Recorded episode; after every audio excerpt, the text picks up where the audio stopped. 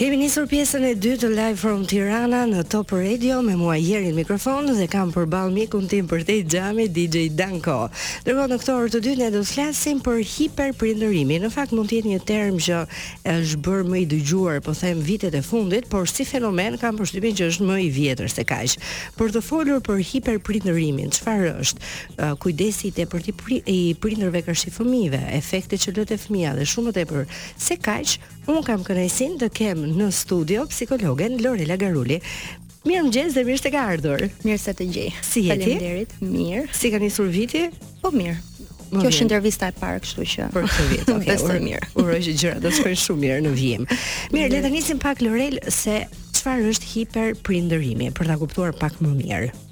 Siç e thotë dhe vetë termi, Mhm. domethënë është fjala për një tendencë pra hiper mbi prindërim, ë që lidhet kryesisht me kontrollin, me kujdesin, me ndihmën mbi normalen në në thonjza, do ta shpjegojmë çfarë do të thotë mbi normalen që prindërit bëjnë kundrejt fëmijëve. Domethënë, tipikisht karakterizohet nga një tendencë e prindërit për të mbajtur nën kontroll variabla që rrethojnë jetën e fëmijës, uh, qofshin këto pritshmëri shumë të larta për fëmijën ose por kryesisht uh, lidhet me ndihmën dhe me kujdesin e tepërt që prindi i jep fëmijës, domethënë duke e mbajtur me pekule, do thoja në gjuhën popullore, mm -hmm. ose kështu si xham, domethënë, si kristal, në mënyrë që ky i fundit, pra fëmija të mos um, mërzitet, të mos lëndohet, të mos zhgënjehet. Pra, prindi është ai që ia shtron dhe ia lehtëson shumë jetën fëmijës, duke mos i dhënë mundësinë që ky i fundit të të gabojë dhe të zhvillohet vetë.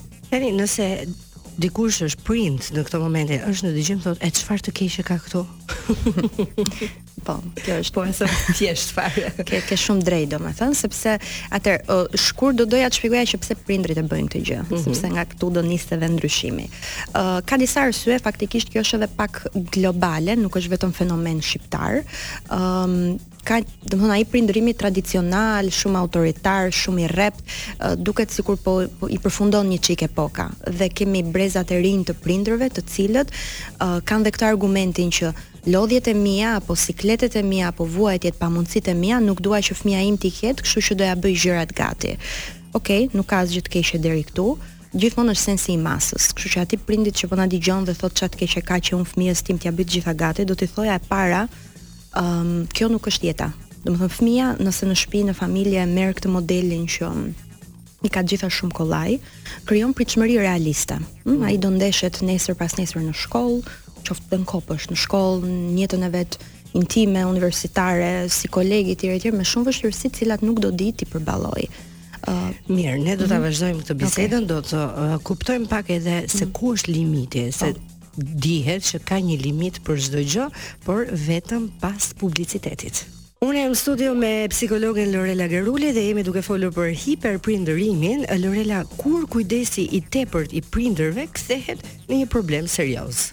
Kthehet në një problem serioz kur fëmija trajtohet si lule mos më prek, Në thonjëza kjo dhe kur nuk lihet të përballet, po themi me dështimet, me vështirësitë, me gabimet, me pasojat e tyre. Pra fëmijës mundësisht i hiqet çdo vështirësi nga rruga, që ta ketë shumë të lehtë rritjen, raportin me tjerët, angazhimet, përgjegjësitë, për shembull fëmija mund të ketë një problem në shkollë dhe nuk lihet asnjëherë të përballet vetë me të, po shkon prindi që flet me mësuesen me mhm. klasën me prindin e fëmijës tjetër me cilin kishte probleme drejtoreshën etj etj dhe një kalvar shumë i gjatë në mënyrë që fëmijës mos t'i hyjë gjemb në këmbë nëse mund ta themi në një gjuhë të thjeshtë. Pra, është kujdesi i tepërt, mund të jetë dhe kontrolli i tepërt, por fëmia rritet në mënyrë psikologjikisht artificiale do thoja në një në një bubble, në një flluskë sapuni ku nuk lejohet domethënë të përballet vetë. Psikologjikisht ne gabimet i konsiderojmë mundësi për t'u rritur, domethënë, jo, e, jo t'i lidhim me fajin, po i lidhim me përgjegjësinë, domethënë, një edukim i mirë, një prindërim, i shëndetshëm ka një sens mase dhe ekuilibre midis, po themi, dashurisë që jepet dhe autoritetit. Pra, fëmija që të rritet idealisht i shëndetshëm dhe uh, të jetë uh, përgjegjës për veten, domethënë, uh, prindërit të cilët janë hiperprindër, po themi, harrojnë që në fakt fëmija duhet edukuar dhe rritur që të dalë vetë në jetë, pra që të jetë i zoti. Mm -hmm. Hiperprindërimi nuk krijon fëmijë të zotë, krijon fëmijë të varur, krijon fëmijë të cilët edhe kur rriten presin nga tjerët, që janë të paaftë emocionalisht, që nuk dinë të menaxhojnë emocionet e tyre, sepse nuk i është thënë kurrë jo, nuk janë refuzuar kurrë. Uh, I kanë gjetur gjërat gati, kështu që në këtë pikë bëhen të paaftë dhe të papërgatitur për jetën. Kjo është kostoja kryesore. A është një efekt kur shohim fëmijë të rritur tani më mbi të tridhjetat që vazhdojnë ende të jetojnë me prindërit? Mund të jetë një nga rastet. Kjo në Shqipëri mund të jetë edhe pak kulturore, mund të jetë edhe pak mund të jetë një lloj dembelizmi, është e vërtetë. Ëh, po patjetër që për sa kohë fëmija, pra ky personi 30 vjeçar Ca kushte mund t'i ketë më të lehta tek tek prindrit, vazhdon zgjedh të rrijë në atë zonën e rehatisë, zonën e komfortit dhe nuk nuk del përtej saj. po mendoja diçka tjetër. Dëgjoj shpesh prindërit që thonë uh, kur unë kam qenë i ri apo e re, nuk më lanë të bëj këtë, të provoj këtë, kështu që unë tek fëmija im do ta lë që të bëjë çdo gjë. A është shenjë e hiperprindërimit kjo? A është okay apo jo? Nuk mendoj se është okay, sepse në një rast të tillë qartazi kemi të bëjmë me projektimet që prindi vetë si njeri, si fëmijë, pra pjesa e tij e parritur. Ça do thotë, të jesh prind është rol, në kuptimin mm. është rol social. Pra ne jemi individë dhe jeta na sjell role të ndryshme sociale, bijë, bir, motër, vëlla, partner, prind etj etj. Ëm um, dhe në një rast të tillë kur prindi thotë që unë uh, ato që s'munda të bëj vet, do punoj që fëmija im t'i ketë kushtet dhe të zhvillohet etj etj, mos të ketë hallet që pata unë. Ok, kohët ndryshojnë, është gjë shumë e mirë që fëmijët të mbështeten, ëh, unë me këtë nuk po them që fëmijët nuk nuk duhet të kenë suportin e prindit. Po në një rast të tillë, te kjo që ti the, uh, është fiks fjala për një kompleks, po themi apo një nevojë të papërmbushur të prindit që projektohet tek fëmijët, Dhe ky i fundit në thonjëza ka fatin dhe i gjen gati. Domethënë në fakt kshu duket sikur prindi mos se s'po bëj terapi tani, po duket sikur prindi po shëron veten e vet dhe po po po bën me fëmijën atë që do donte që prindërit e tij të kishin bërë me të në një kohë që nuk është e shëndetshme. Dhe në këtë rast kam përshtypjen unë që prindërit nuk e kuptojnë që fëmija vërtet vjen nga dy prindër, por është një unë më vete, pra nuk është më ti. Është dikush tjetër. po kjo shumë duket si e thjeshtë, po shumë prindër gjatë prindërimit të tyre nuk e bëjnë këtë diferencën dhe duket sikur dhe psikologjikisht fëmija është një zgjatim uh, psikik i tyre që do të thotë që nuk e presin kurrë në thonjëza kordonin umbilikal uh, mm. psikologjik që në fakt uh, për një rritje të shëndetshme e gjen dhe në literaturë e thonë gjithë studiuesit e po themi e, e mënyrës se si funksionon njeriu që në një moshë të caktuar duhet bërë divorci nga prindërit. Pra, pikërisht kjo, që ta shikosh prindin si individ dhe ai të të shikojë ty po kështu, pra pa qenë të varur, sepse hiperprindërimi, për të mos dalë shumë nga tema, krijon dhe varësi. Varësi. Patjetër mm -hmm. që krijon krijon varësi. ë domethënë duke dhënë kujdes gjatë gjithë kohës, duke dhënë Duke heq gjithë vështirësitë nga jeta e fëmijës, patjetër që krijon uh, varësi. A ka një arsye që një prind sillet kështu në këtë formë? Besoj se ka disa arsye, në radhë të parë është kjo që ne po thoshim më herët, uh, pra nevojat e veta të papërmbushura, pra kur ai vetë ka qenë fëmijë, ka pasur ca vështirësi dhe tani nga ankthi i madh nuk do donte që fëmija i vet t'i kishte, uh, tjetra vjen nga prap vjen nga ankthi. Domethënë përgjithësisht janë forma ankthi që shpërfaqen në në mënyra të ndryshme përgjatë edukimit, është nevoja e prindit për kontroll. Për shembull, një nga llojet e hiperprindërimit është prindi helikopter, ne do t'i përmendim. Do t'i përmendim pas pak. Është shumë interesante. shumë bukur. Ëm um, një nga llojet më tipike është hiperprindërimi helikopter, pra është si siç është ai helikopteri që survejon një zonë të caktuar dhe monitoron, ashtu është dhe ky lloj hiperprindi dhe kjo në fakt më shumë se sa me kujdesin lidhet me kontrollin. Mhm. Domethënë uh, prindi i tregon fëmijës ça të hajë, ça të veshi, kujdes vishu se është ftohtë, a hëngre, do na thua ti që individi nuk ka stomakun e vet apo nuk arrin ta dallojë temperaturën e trupit të vet dhe duhet t'i thotë dikush që të vishet trashë se është ftohtë. Një shembull për të thënë uh, kjo për shembull vjen nga kontrolli, nga nevoja shumë e madhe e prindit për të pasur gjërat nën kontroll, për t'i bërë ashtu si mendon ai, ashtu si gjykon ai. është një lloj imponimi. Mm.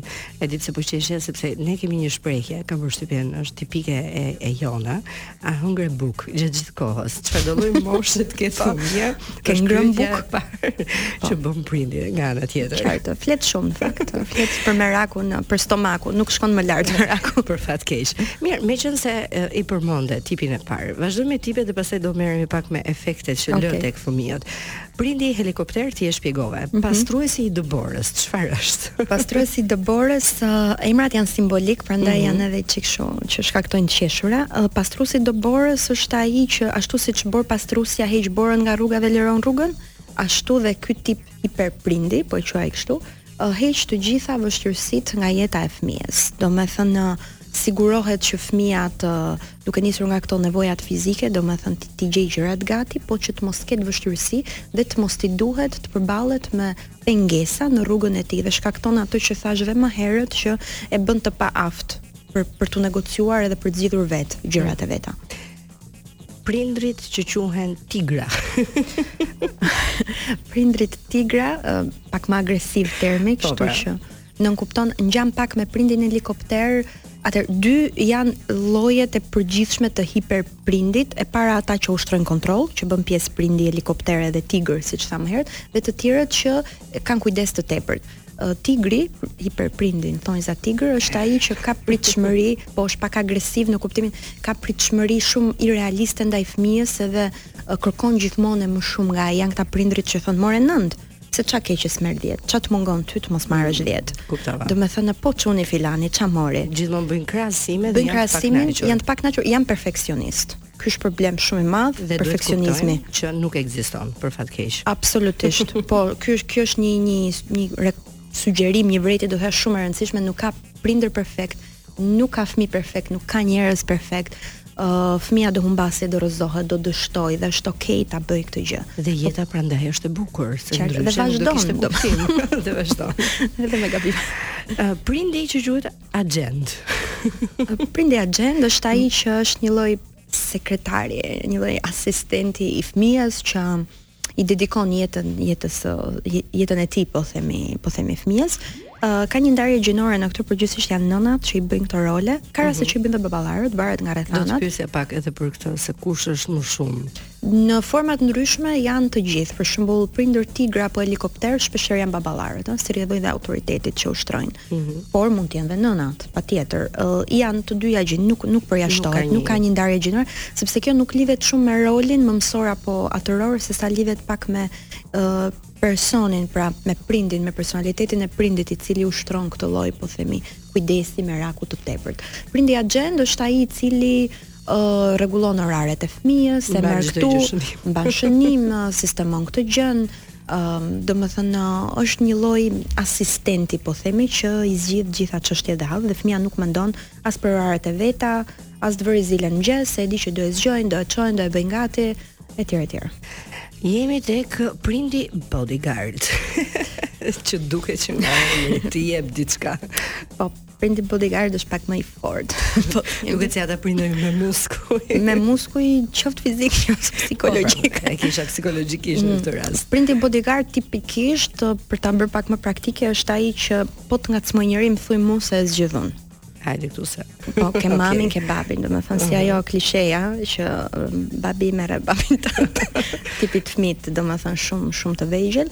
Kur fëmija ka një konflikt, nuk po dal te konfliktet fizike, por çfarëdo lloj konflikti apo mosmarrëveshje në kontekstet e veta, fëmija të lihet jashtë, pra mos u merr ti se merrem unë ta zgjidh unë. Dhe ka rrezikun që shpesh herë fëmija mbrohet dhe i jepet të drejtë dhe kur nuk ka të drejtë. Dhe kjo është shumë e rrezikshme psikologjikisht, sepse pastaj do kemi një të rritur me tendenca po themi egocentrike, narciziste që pretendon po themi benefite, avantazhe apo adhurime edhe kur nuk i takojnë dhe të paaftë për të u marrë me zemrimin apo me frustrimin, mm -hmm. me ndjenjën e padrejtësisë. Kështu që prindi bodyguard, pra siç e thotë vetë fjala, është një truprojë psikologjike që zgjidh konfliktet e fëmijës.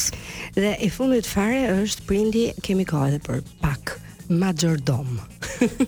Prindi Majordom ngjan me prindin agjent, është ai i cili uh, e ndihmon uh, fëmijën në uh, dhe në detaje të të jetës së përditshme, është prapë një lloj asistenti i fëmijës, duke mos e lënë um, as të lodhet, as të të mësojë qoftë dhe shprehi të vetëkujdesit të jetës së përditshme. Pastaj kemi për shembull burra 30 ose dhe më 20 e ca 30 30 e ca vjeçar të cilët uh, nuk dinë të kujdesen për veten, nuk dinë të vishen simbolikisht mm. apo as të hekurosin e gjëra të tilla. Mirë, ne do të vazhdojmë edhe më pas edhe për efektet që lë tek fëmijët hiperprindërimi, mm -hmm. por kemi një shkëputje të vogël, kemi miq. Jemi live from Tirana me mua Jerin në mikrofon me DJ Dan Kopër tej xhamit dhe me psikologen Lorela Garuli po flasim për hiper Prindërimin, por çfarë më ka ngelur mua dhe gjithë kohës kur mendoj për hiperprindërimin janë tipet. Tipet e këtyre lloj mhm. prindërve me emërtesa shumë të bukura, helikopter, pastruesit e dëborës, tigrat. Okej. Agjenta, bodyguard dhe majordom. Tani pyetja ime është Lorel, a ka prindër që Kanë një koktejl të tillë që janë të gjithë këto lloj tipash apo do ishte e rrezikshme të ishin të gjitha këto mm. bashkë. Besoj se kjo ndarja është më shumë në në literaturë, po praktikisht të gjithë hasin elementë, po themi, domethënë kush hiperprindëron ka pak elementë ose në situata të caktuara ka, po themi, uh, elementë nga secili hiperprind, siç mm -hmm. ti mhm. emërtove, për shembull, nëse do i rikthehemi um, nëntipit tigër, uh, është fjala për prindërit që shkaktojnë shumë ankth tek fëmijët, domethënë ndryshe nga tjerët që kryesisht bëjnë fëmijë, po themi të paaftë sepse i ndihmojnë më shumë sesa duhet dhe i heqin çdo vështirësi nga rruga. Uh, hiperprindërit tigra janë ata që i i frustrojnë shumë fëmijët sepse kanë gjithmonë pritshmëri realiste, shumë perfeksioniste dhe i rrisin domethënë gjithë kohës me një lloj standardi shumë të vështirë për veten dhe për arritjet e tyre. Pra nëse do të bënim një përmbledhje të shkurtër të efekteve që kanë këto tipe të hiperprindërimit tek fëmijët, cilat do të ishin?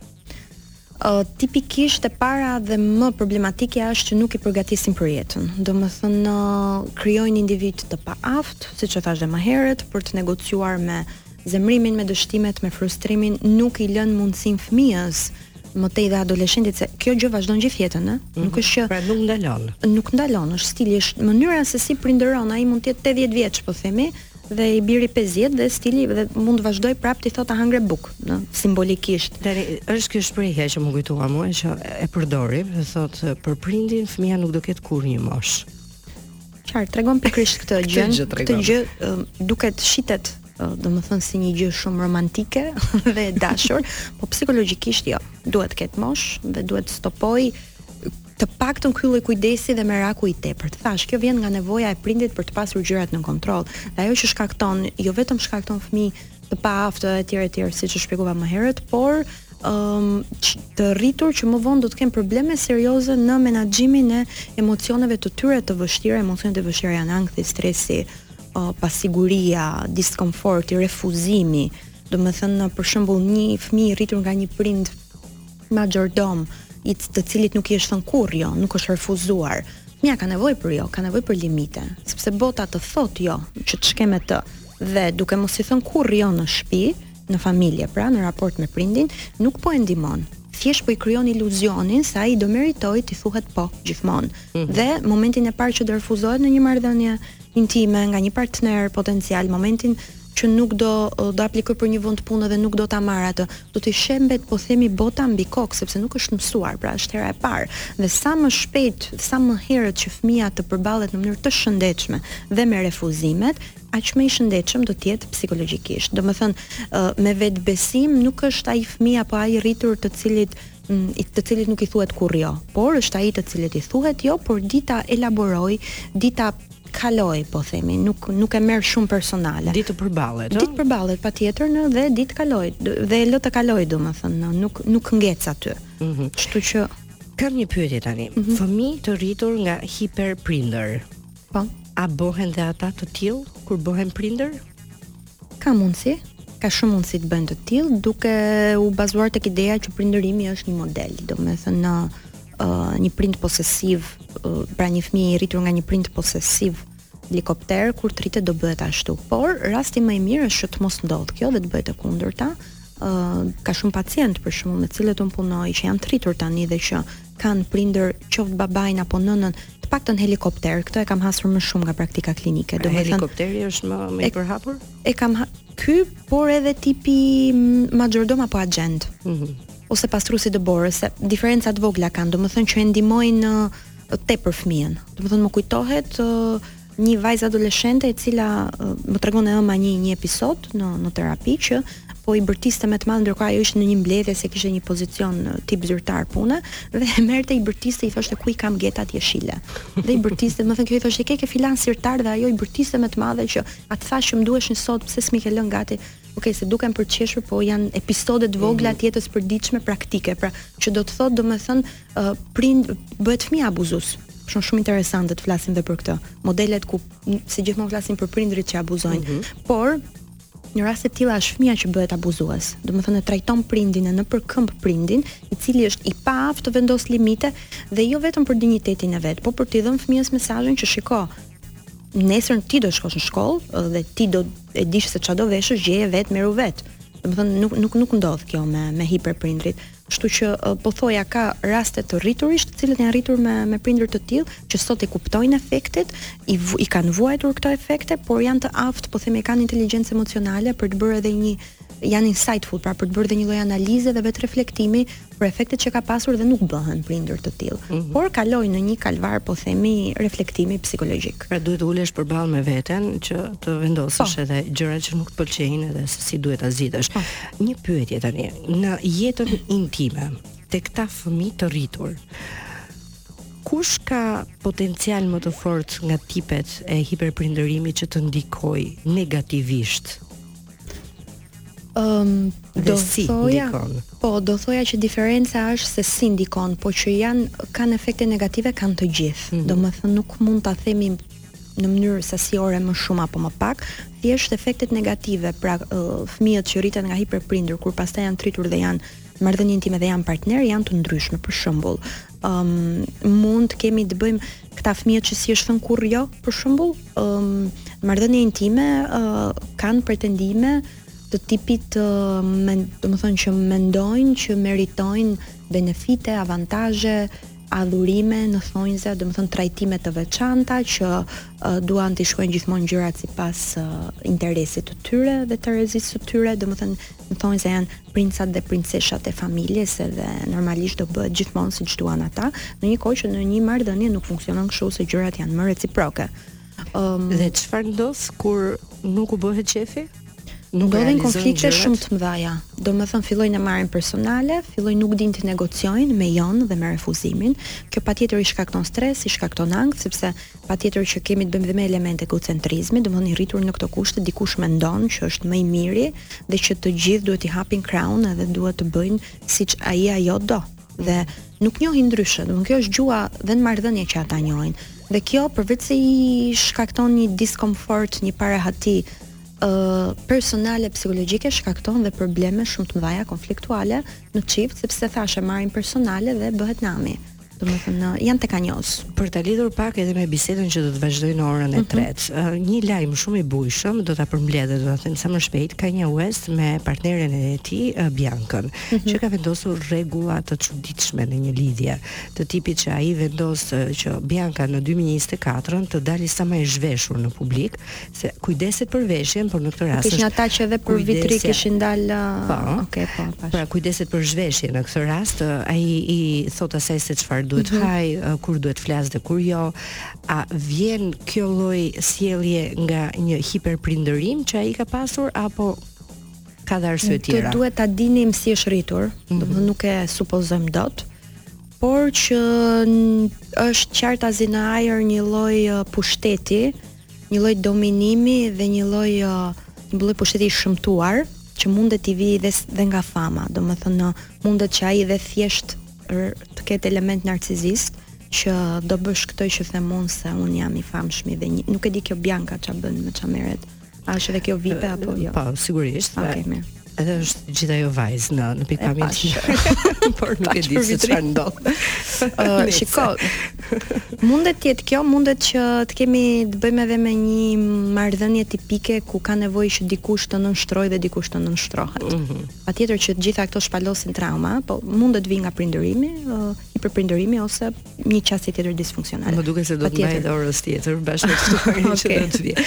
Mirë, ëm um, e lamë tek hiperprindërimi. A ka duket tani unë mendoj duke qenë se është një varësi, duhet të ketë edhe një zgjidhje si të gjitha varësitë. Mm -hmm. Por ka një formë që mund të parandalohet çfarë ndodh që po. të ndërgjegjësohemi mhm. pak tani dhe të kuptojmë që gjërat mund të na duken se janë në rregull, por ja që nuk janë në rregull. Uh, gjithmonë parandalimi është më i mirë se trajtimi. Parandalimi nis nga prindi.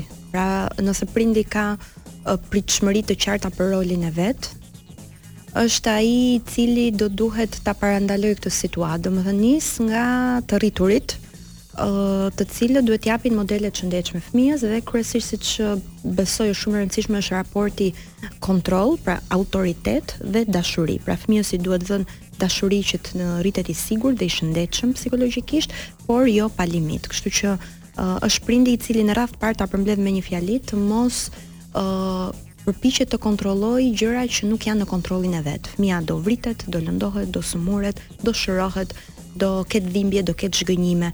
Prindi nuk duhet të pretendojë që ta shmangi fëmijën dhe ta amortizojë nga të gjitha këto gjëra që nuk janë në kontrollin e vet. Këtë do ta përmbledhja. That's life. Kjo është jeta. Ah, Duhet ta kuptojmë. Lorela, unë të falenderoj shumë. U kënaqa që ishe me mua dhe je e mirëpritur sërish. Faleminderit ju. Punë të mbarë.